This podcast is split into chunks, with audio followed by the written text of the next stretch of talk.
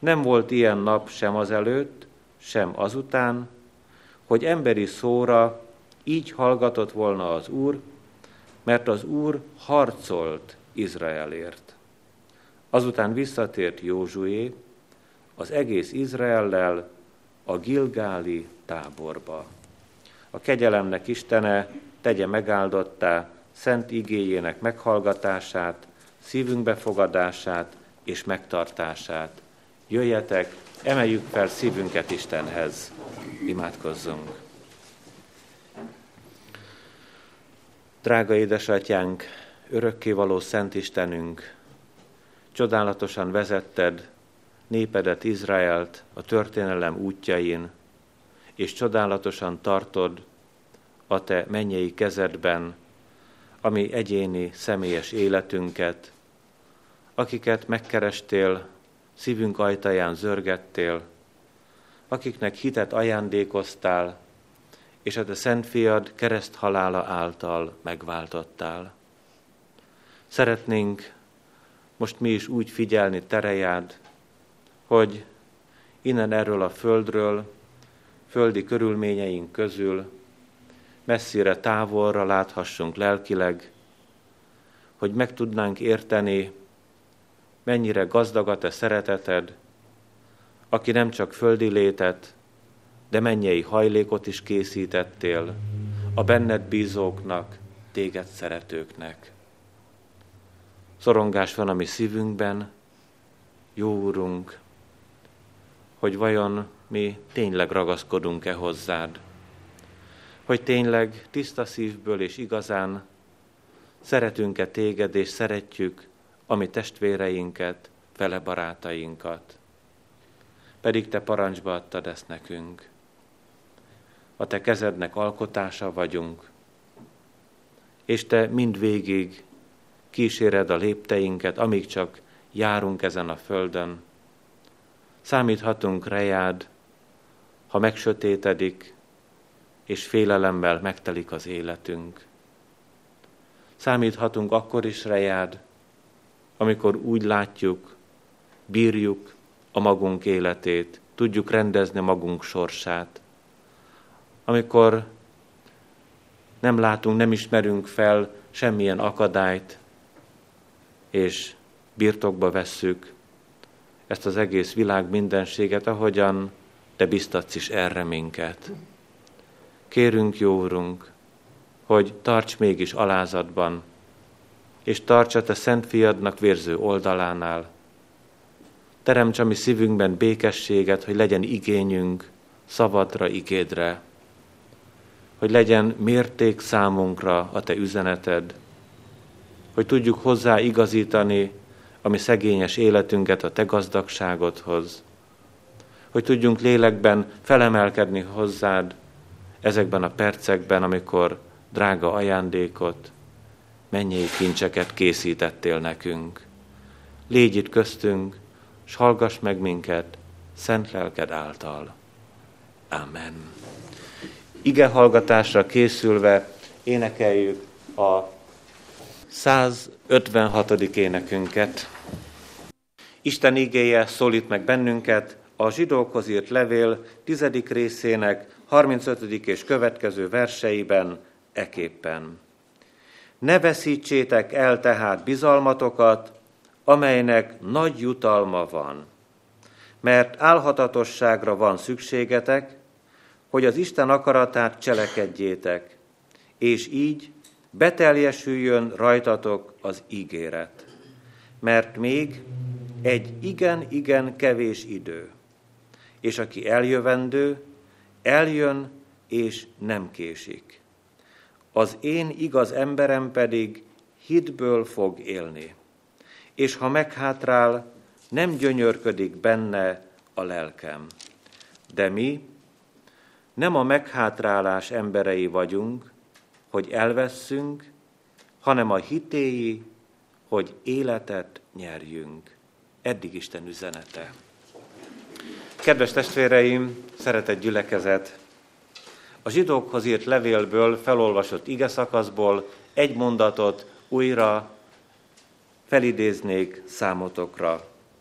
ne veszítsétek el tehát bizalmatokat, amelynek nagy jutalma van. Ennek az ígének a kapcsán három gondolat lesz előttünk ma. Először a harcról, másodszor a bizalomról, harmadszor pedig a jutalomról szeretnék szólni köztetek. Elöljáróban azonban beletekintünk abba az ószövetségi ige szakaszba is, néhány mondat erejéig. Megtölti a szívünket a félelem, amikor az ószövetségi honfoglalás eseményei vannak előttünk. Kíméletlen háborúk képe rajzolódik fel, és nem is értjük, vajon miért írattak meg mindezek a mi tanúságunkra. Szeretnénk megkerülni ezeket a bibliai könyveket vagy igeverseket, és hát mégiscsak elfogadjuk, hogy bármelyik nemzetnek úgy Isten választott népe a zsidóság történetében, mint a magyar nép sorsfordulataiban a honfoglalás rendkívüli esemény, félelmes idők ezek, vérrel, vérhullatással és háborúval jár. Hát bizony, amikor a Józsué féle harcokat részleteiben szemléljük, mintha el is utasítanánk azt a sokféle kegyetlenkedést, amit bármelyik oldalról tapasztalunk.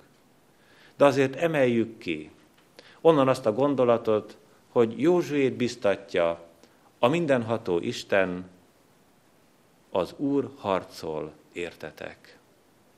És hogyha erre gondolunk, akkor az is eszünkbe jut, hogy a mi földi életünk is harcokból áll. Erről majd az íge első gondolatában többet szólnánk. Most azonban még a bevezetőben azt is szeretnénk elmondani, hogy ma az egyházi év utolsó vasárnapján lehetünk együtt, amit az örökké valóság vasárnapjának nevezünk. Sajnálatosan, ami gondolkozásunk, egyéniségünk teljes mértékben belegyökerezett a földi létünk körülményeibe. Nehezen tudjuk felemelni még a szemünket is a mennyei hajlékokra, nemhogy a szívünk azért dobbanna, hogy egyszer mi ott lehetünk majd, abban a világban, ahol nincs könny, nincs gyász és nincs fájdalom, ahol Isten lesz minden mindenekben. Pedig most még szinten, szintén a bevezető gondolatokban szembesülnünk kell azzal, hogy mindannyian itt ezen a földön az ideig való életünket éljük. Ha komolyan vesszük, ez akkor is így van, ha komolytalanul tekintünk erre, akkor is igaz ez a gondolat. Az ember élete ezen a földön kétféle lehet mindenképpen. Vagy nagyon könnyű, vagy nagyon nehéz. Néha ez a kettő keveredik is, de azért egy-egy emberi élet végén azt tudjuk summázni, hogy aki vándorlását befejezte, annak a földi útja küzdelmes, fáradtságos, tövisekkel és sok nyomorúságokkal terhelt volt, vagy pedig könnyedén és egyszerűen jól megélt ezen a földön. Azonban, akár könnyen, akár nehezen, éljük a földi életünket, mindenkire igaz az a megállapítás, hogy a földi életünk rövid.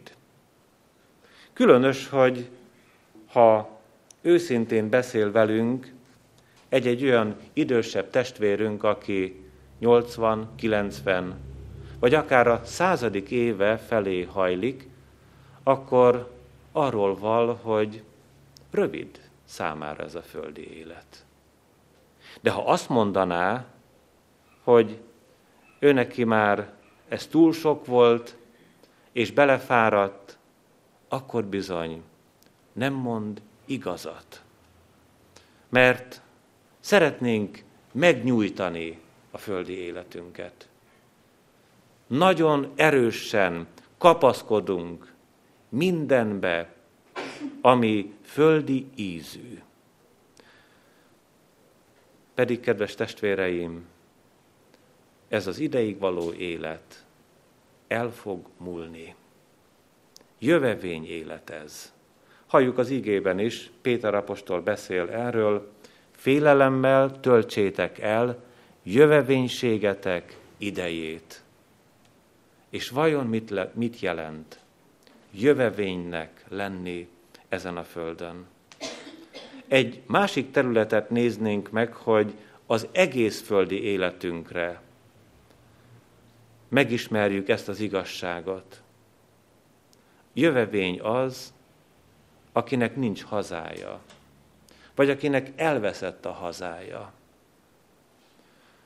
A világ ilyen-olyan pontján ma is háborúk dúlnak, és ahol kitör egy-egy háború, onnan menekülnek az emberek.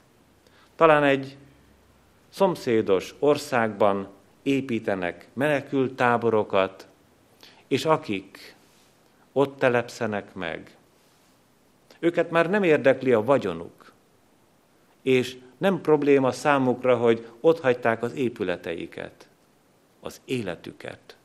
Szeretnék megmenteni a menekült táborokban.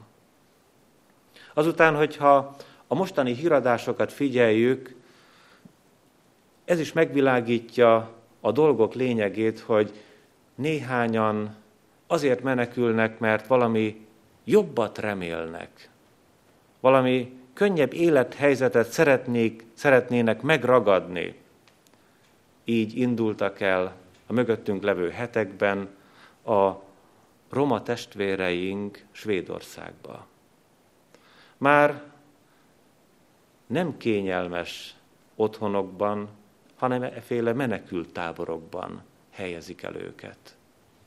Nagyobb részük vissza fog jönni ide mi közénk, mert mégiscsak ez az ő hazájuk, meg a miénk is. De hogyha mindannyiunkra gondolunk, és az egész Földön élő 6 milliárd emberre, akkor válik igazzá, hogy jövevény életünket éljük. Vége lesz hamar. Szintén Péter apostol mondja, mert minden test olyan, mint a fű, és minden dicsősége, mint a mezővirága. Elhervad a virág, megszárad a fű, de az Úr igéje megmarad. Vajon melyik testre igaz ez? Hát azt mondanánk az idős testvérek testére. Elhervadnak a szemünk láttára. A kisbabákéra nem, mondjuk mi. Vagy így érezzük. Az íge pedig úgy fogalmaz, hogy minden test. Minden test. Fű. A gyönyörű kisbabák teste is fű. Annyi a földi életük, mint hidegben elszálló lehellet, ami pillanatok alatt semmivé válik. Ezért kellene örökkévalóság vasárnapján, legalább ezen a vasárnapon kitekintenünk a mennyei életre. Hiszen az örökkévaló élet már ígéretben a miénk. Hogyan is halljuk ezt pontosan az ígében? Az az ígéret pedig, amelyet ő maga ígért nekünk, az örök élet, mondja János apostol. Az Úr Jézus Krisztus ígérte meg nekünk az örökkévaló életet. Ebbe az ígéretbe szabad belekapaszkodnunk. Az a valaki tette ezt az ígéretet, aki szeret minket. Szintén az Ószövetségben, Mózes 5. könyvében halljuk Izrael népéről, hogy milyen kapcsolat volt az Úr és a népe között. Szeretett kapcsolat. Nem azért szeretett meg, és nem azért választott ki benneteket az Úr, mintha valamennyi nép közt a legnagyobbak volnátok, hiszen a legkisebbek vagytok valamennyi nép közt, hanem azért, mert szeret. Szeret benneteket az Úr. És szeretett testvéreim, ahogyan Izrael népét, úgy a magyar népet is. Szerette az Úr az Úr Jézus Krisztus áldozatáért. És szereti a mi közösségünket, gyülekezetünket. Benne egyénileg az életünket úgy tekinthetjük, mint amelyik élet körül van véve az Úr Jézus Krisztusnak a szeretetével. Nekünk ilyen ígéretünk van. És találhatnánk-e nagyobb, gazdagabb erőt ennél, mint az Úr szeretete? És vágyhat-e valami többre, nagyobbra a szívünk? És hogyha hiányzik, vajon nem minden hiányzik? Adi Endre a híres nagy magyar költő egyik sorában így fogalmaz, szeretném, ha szeretnének, és lennék valakié. Hát Adi se volt senkié. Egy ilyen híresség. Neki is hiányzott még az emberi szeretet is. Bizony. És hogyha vele megtörtént, velünk nem történhet meg, dehogy is nem. És most újra tudtunkra adja Isten ígéje, hogy szeret bennünket az Úr. Na hát, e hosszú bevezető után nézzük meg azt a három gondolatot, amit üzen számunkra örökkévalóság vasárnapján a mindenható Isten. Először azt üzeni, hogy a hit harc. Harcolni pedig kevesen szeretnek. Talán beállni a katonák közé igen. Vállalni ezt a pályát, ezt a hivatást, amelyik magában tartogatja a harcot, de nem feltétlenül. Lehet valaki úgy is katona, ha a történelemnek egy olyan szerencsés szeletében születik, hogy egész életében megúszza háború nélkül. Ilyenkor jó dolga van. Mert hogyha harcolni kell, ha hat szintérre lépünk, akkor nagyon veszélyben lehet az életünk. Mivel harcolni kevesen szeretnek, ezért olyan meglepő, hogy győzni viszont nagyon szívesen győznek az emberek. A győzelemre mindenki vágyik. És hát, hogyha nem csak háborús hadszintéreken van harc, hanem a hitünk szintén a harcnak az útján jár, akkor, kedves testvéreim, szeretném kívánatossá tenni ezt a hitbeli győzelmet magamnak és ti nektek. Nagyon jó volna hitben győzni mindannyiunknak. Hát, hogyha harcba keveredünk, akkor mindenképpen felkészültnek kell lennünk. A felkészülésre nézve Pálapostól a Timóteushoz írt második leveléből hallunk egy ígét, egy harcos sem elegyedik bele a mindennapi élet gondjaiba, hogy megnyerje annak tetszését, aki harcosává fogadta. A katonák világában az alá-fölé rendeltség teljesen természetes. A parancsnak a kiadása és annak teljesítése a katona életnek a valóságos dolga. No de a hívő embert kifogadja harcosává? Hát Jézus Krisztus. Mi Jézus Krisztus katonái, jó vitézei lehetnénk. És pontosan itt van velünk valami nagy baj. Ha a hadszintéren vívja a csatáját a katona, akkor abban a pillanatban, abban az időszakban, amíg harcát vívja, nem gondolhat mással.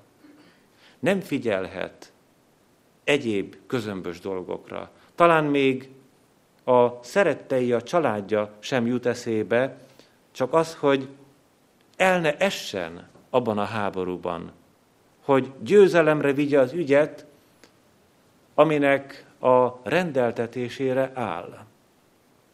És hogy van ez velünk? Nemrégiben volt valamelyik vasárnap a magbető példázata, a bizonyságtételnek az alapigéje, és ott találtunk egy olyan magvacskát, amelyik a tövisek közé esett. És az Úr Jézus a tanítványainak úgy magyarázza a tövisek közé esett magnak a sorsát, hogy ez olyan ember, aki belebonyolódik az élet gondjaiba. Ami hitharcunkkal, nem itt van a baj, szeretett testvéreim, hogy mi nem Jézusra, nem a mi első számú vezetőnkre figyelünk. Nem neki szeretnénk megfelelni, pedig ő fogadott bennünket harcosává. Az ő tetszését kellene keresnünk. Ezzel szemben a mindennapi életnek ezernyi gondja baja lehet, hogy éppen ebben a pillanatban is, az Úr templomában is, a gondolatainkban leköt bennünket. Nincs nyitva a szívünk az örökké valóságnak a világára örökké valóság vasárnapján. Lehet, hogy éppen az jár a gondolatainkban, hogy hétfőn hogyan oldjuk meg ilyen-olyan típusú problémáinkat. Nem jó katonái vagyunk az Úrnak. Tele van az életünk gondokkal, bajokkal, és nem kellene ennek így lenni. Jézus Krisztus jó katonájának meg kell erősödnie. De hogyan? Az igében halljuk ezt, szintén Pálapostól mondja, te azért, fiam, erősödjél meg a kegyelemben, amely a Krisztus Jézusban van. Megerősödni a kegyelemben azt jelenti, hogy Jézus Krisztushoz tartozni. Jézus Krisztustól függeni. Őre jár odafigyelni. Őt tartani első rangú személynek az életünkben. Mert miről is van szó? Ha győzni szeretnénk, és örökké valóság vasárnapján úgy értjük ezt, hogy a mennybe igyekezünk, akkor, szeretett testvéreim, egyet tudjunk. Jézus Krisztus nélkül ez nem megy. Az egyházzal sem megy.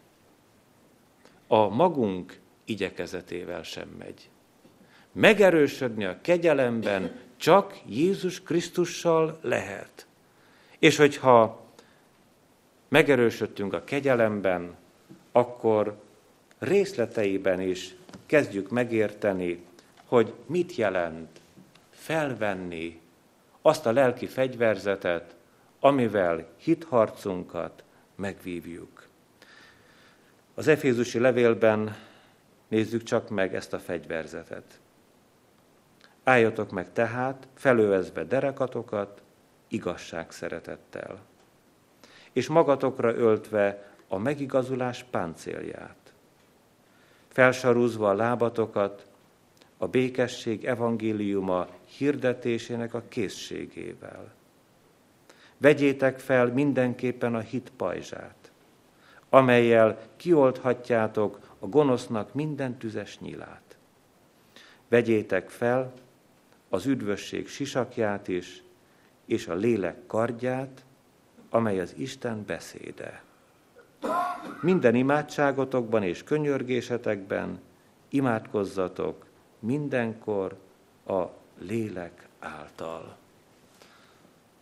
Hát háborúban a harc szinterén, ha hiányos a fegyverzete a katonának, igen-igen nagy bajba kerül, életveszélyben van. És az Isten gyermeke vajon nem az örökkévaló életével játszik, amikor ezeket a fegyvereket elutasítja, nem igényli, hanem úgy gondolja, enélkül is megállja a helyét. Vegyük tehát figyelembe az ige első gondolatában, hogy a hit harc. Másodszorban a hit bizalom. Ez egy különleges szó. Alig-alig van olyan ember, akire rábíznánk az életünket.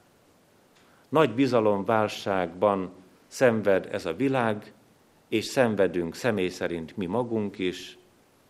Nehezen találunk olyan testvért, aki előtt ki tudnánk nyitni a szívünket. Most pedig az Úr előtt kellene bizalommal megjelennünk. Itt, kedves testvéreim, nekünk kell lépnünk, ez a mi dolgunk. A megváltás dolgában, hogy mi mennyei életet kaphassunk Istentől, a nagy részt, a legnagyobb részt Jézus Krisztus megszerezte, elvégezte, befejezte ott a kereszten, a Golgotán. Amit ő ott megszerzett, nekünk csak el kell fogadnunk, bele kell egyeznünk, bele kell simulnunk az ő drága ajándékozó szeretetébe. Ehhez viszont bizalom kell. Ha ezt nem lépjük meg, ha ezt a mi dolgunkat elmulasztjuk, akkor megbicsaklik a hitünk. Mert kérdezzük csak meg, hogy igazán kinyitottuk-e az életünket az Úr Jézus Krisztus előtt. Szeretjük, ha a mi életünkben tájékozódik az Úr. Vajon boldogok vagyunk-é, hogy ő jön, mi pedig feltárjuk előtte a sebeinket. Mert ez a bizalom. Ez hasonlít ahhoz, amikor egy nehéz műtétre készülődik a beteg, és hát úgy gondolja, hogy az ő orvosában megbízik. Sok mindenféle kimenetele lehet a dolognak, talán még a halál is. Meg lehet gyógyulás is.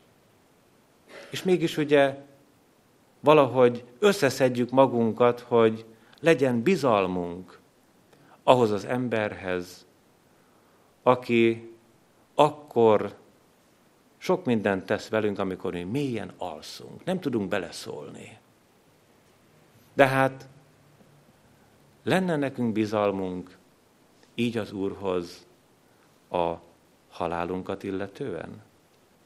Hogy ebből, ami halálunkból élet lesz a mennyben. Összeszedjük végre magunkat, hogy ideig való életet élünk, és az örökké való ezután következik. Vajon fontos nekünk az, hogy mi lesz azután, amikor vándorlásunk itt ezen a földön véget ér? 16. Zsoltárban olyat hallunk, hogy te tartod kezedben sorsomat. És hogyan halljuk ezt a kereszten? Micsoda bizalom volt az Úr Jézus Krisztus és az ő mennyei atya között. Atyám, a te kezedbe teszem le az én lelkemet. Ez a bizalom. Tudta Jézus Krisztus, hogy abból a halálból élet lesz, és hogy abból mennyi ajándék fakad az evilágon élő emberek számára. Forduljunk azért bizalommal, ami drága Urunkhoz. Ne takarjuk el az életünket. Nehezen lépjük meg. Talán még Istennel szemben is ezt a nagyon nagy lépést, mert kedves testvéreim, rosszak a tapasztalataink. Lehet, hogy volt már valaki, vagy talán többen is voltak, akik visszaéltek a bizalmunkkal. Kétféleképpen lehet ezt tenni. Nem szándékosan, talán egy felelőtlen beszélgetés formájában egy szegény barátunk odajön hozzánk és kinyitja előttünk az életét, mi pedig kifecsegjük. Azután szándékosan is lehet visszaélni a bizalomnak a csodálatos isteni ajándékával. Megint csak, ha odajön hozzánk egy szenvedő barátunk, és kinyitja előttünk az életét, akkor azokat a kitárt, nehéz lapokat mi jól elrejtjük, elraktározzuk, és azt mondjuk, hogy ütőkártya lesz. Ellene. Ez az emberi gonoszságnak a félelmetes valósága, hogy jönne megoldásért hozzánk valaki, mi pedig súlyosan visszaélünk az ő bizalmával. Ilyen nem történhet meg. Velünk, ha Jézus Krisztushoz megyünk, ha Jézus Krisztus előtt nyitjuk ki az életünket, akkor vele boldogok leszünk. Ha ne talán mégis, sokféle rossz tapasztalatot összegyűjtve valaki azt mondaná, hogy ő már Jézus Krisztusban sem bízik, akkor ott nem Jézussal, hanem a minden bizalmát elvesztett emberrel van súlyos baj. Ilyenkor tényleg rajta már csak a kegyelem segíthet. De most mi? Lehet, hogy éppen abban az állapotban vagyunk, amikor szabadon mehetnénk, amikor kész a szívünk. Jézus Krisztussal élő kapcsolatba kerülni. Amikor még nem nehezedett meg annyira az életünk, hogy erre ne volnánk képesek, menjünk csak bizalommal az Úrhoz. És harmadszor az ige utolsó gondolatában a jutalomról is szóljunk egy-két szót. A bizalmat a jutalomban éljük át. Amikor megbízunk valakiben, egyszer csak eltelik egy bizonyos idő, és ő tett nekünk egy ígéretet, és íme beteljesedik. Ez a jutalom. Amiről örökké valóság vasárnapján beszélhetünk, azt a mennyben éljük meg. Hogy ígéretet tett nekünk az Úr, hogy helyet készít az atyai házban. És egyszer csak jutalomként kapjuk meg ezt. De nézzük meg közelebbről, hiszen az üdvösségről, a mennyei életről mindeddig úgy beszéltünk, hogy ingyen kegyelemből van. Tehát mi nem tudunk tenni érte semmit, csak annyit, hogy elfogadjuk. Itt meg most találkozunk ezzel a kifejezéssel, hogy, hogy a mennyei élet jutalom. De hát különbség van az ajándék és a jutalom között. Azokat ajándékozzuk meg, akiket szeretünk. És amikor jutalmat adunk, azért valamit tenni kell arra úgymond rá kell szolgálni. Kicsi a különbség, de mégis nagyon határozott. Mert miről is van szó? Arról, kedves testvéreim, hogy amikor megharcoljuk a hit harcát, akkor az a bizalom, amit mi megragadunk és el nem engedünk, a Jézus Krisztusba vetett bizalmunknak a jutalma az üdvösség. Ezt meg kell tennünk. Hogyan is mondja egészen pontosan az íge, a zsidókhoz írt levélben, ne veszítsétek el a ti bizalmatokat, melynek nagy jutalma van. Ne veszítsétek el. Hadd mondjak el befejezésül egy nagyon egyszerű kis történetet, néha az egyszerű történetek megmosolyogtatnak bennünket, de keressük ebben az üzenetet.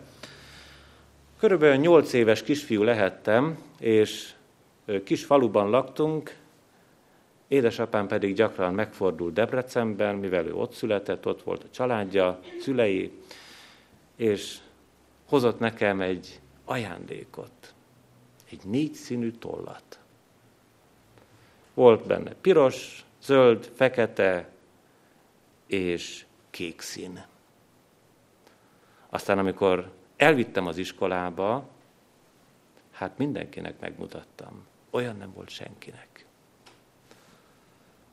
Nem nagyon értjük ezt a példát, mert most ö, toll gyűjteményeink vannak. Én is van úgy, hogy másnap harmadnap arom vissza a tollakat, akitől éppen hát átvettem a kezéből, de abban az időben ez nagy kincs volt. Még aznap elveszítettem.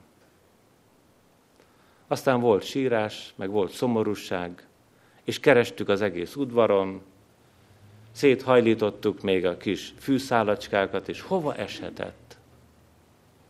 És nagy nehezen sikerült megtalálni valahol az iskola udvar végében és akkor pedig nagy volt az öröm. Miről is beszélünk? Ne veszítsétek el a bizalmatokat. A Jézus Krisztusba vetett bizalmatokat. Mert ez nem kicsi ajándék, ennek nagy jutalma van. És ezt, szeretett testvéreim, nem érdemes elveszíteni. Nagyon kell rá vigyázni biztatlak benneteket, hogy ebben a hatalmas bizalomválságban, amiben szenved a világunk, szenvedünk mi magunk is, meg ne rendüljön a bizalmunk Jézus Krisztusban. Egyik őtöket sem csapott be eddig az Úr.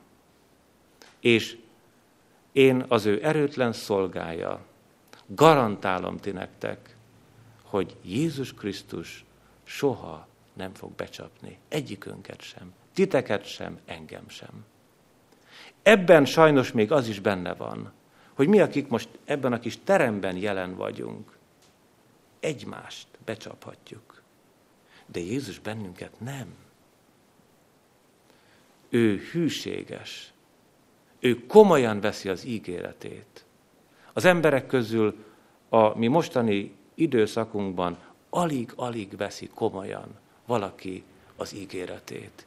Jézus halálosan komolyan veszi. Annyira, hogy meghalt értünk a kereszten. Ezért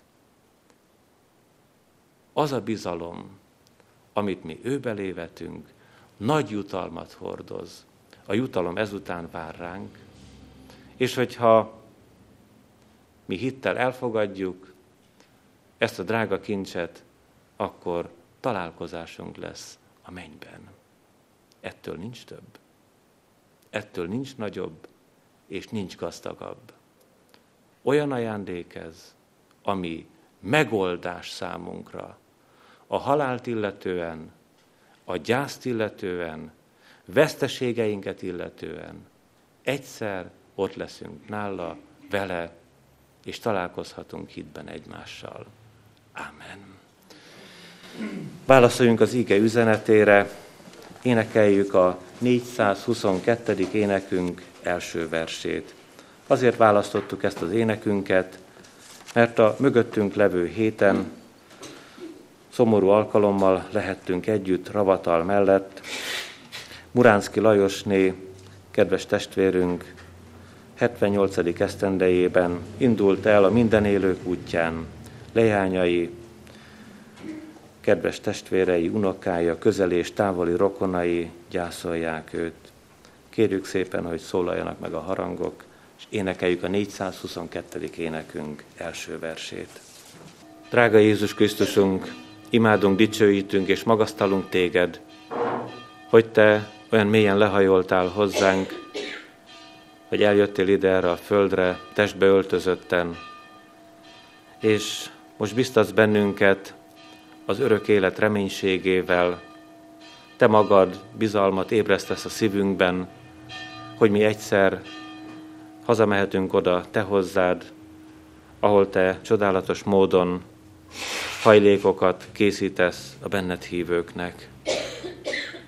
Amikor szembenézünk királyi széked előtt önmagunkkal, úgy érezzük, nem bizonyultunk a te jó katonáidnak. Nehezen állunk be abba a harcba, amelyel te bízol meg bennünket. Pedig ez a harc nem emberek ellen folyik, hanem a világ hatalmasságai, mennyei lények ellen. Legfőképpen a sátáni erők ellen. Te tudod, hogy vele szemben mi gyengék vagyunk.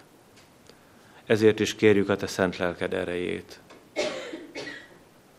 Mennyei magasságban vannak ezek az erők, és mégis ellenet tudnak fordítani minket. Mi most hozzád menekülünk. Tőled kérünk segítséget, és szeretnénk elnyerni a te tetszésedet. Sokszor nem is hittük, hogy te állítottál be bennünket ebbe a harcba. Volt, amikor úgy gondoltunk, hogy magunk döntöttünk erről az útról, a keskeny útról, amelyen járni szeretnénk. Volt olyan is, amikor úgy éreztük, belesodródtunk ebbe a helyzetbe, hogy mi téged szeretnénk követni. És most érezzük, hogy te ragadtál meg, te zörgettél a szívünk ajtaján, és oly csodálatosan hangzott a te zörgetésed, hogy mi mégis minden ellened való erő ellenére kinyitottuk ajtónkat, és most már megyünk veled. De olyan nagy a szívünkben az erőtlenség.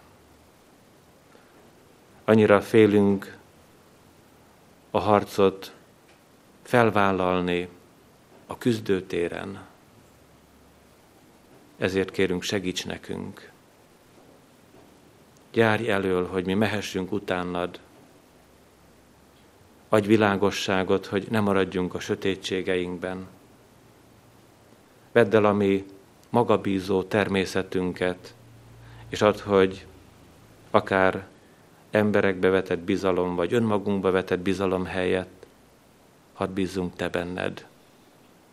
Teljes odaadással, teljes nyitottsággal, mert Te szabadító Úr vagy, ahol megkötözött volna az életünk, Te ott megoldod a láncokat, ahol megsebzett az életünk, Te csodálatosan gyógyított sebeinket. Ahol megtelik a szívünk félelemmel, ott a te erőddel és hatalmaddal a félelem helyébe igazi örömöt adsz. Ezért hozzuk most bizalommal eléd gyászoló testvéreinket is. Sokféle mélysebb van a szívükön, nagy terheket hordoznak, nehéz visszatekinteni, a mögöttük levő hetekre, hónapokra, esztendőkre. De te vagy a szíveknek gyógyítója és vizsgálója. Te adhatsz nekik is bátorságot, elmúlás és halál ellen, és nem csak beletörődést abba, hogy ideig való itt az életünk, hanem igazi vágyakozást tudsz adni számukra mennyei országod eljövetelét illetően hogy csodálatos, hogy te nem késel, hogy mi kitartással futhatjuk végig a küzdőtért. Mellettünk állsz, számíthatunk rád, számítunk is rád. áld meg egész napunkat, élő szent lelked vezetésével és örömével. És áldj meg bennünket testvéri szeretettel, egymás iránt, ragaszkodással irántad. Hallgass meg könyörgésünkben, és légy jelen közöttünk, egész napunkon át, kegyelmed által kérünk. Amen. Együtt mondjuk el Jézus Krisztus imádságát. Mi, atyánk, ki vagy a mennyekben, szenteltessék meg a te neved. Jöjjön el a te országod, legyen meg a te akaratod, mint a mennyben, úgy a földön is.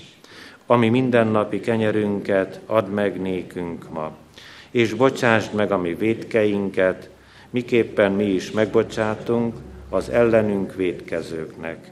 És ne vigy minket kísértésbe, de szabadíts meg minket a gonosztól, mert tied az ország, a hatalom és a dicsőség mind örökké. Amen. Hirdetem az adakozás lehetőségét, tudván, hogy a jókedvű adakozót szereti az Isten. Foglaljuk el helyünket, és hallgassuk meg a hirdetéseket. Záróénekünk következik 457. dicséretünk harmadik versét énekeljük befejezésül.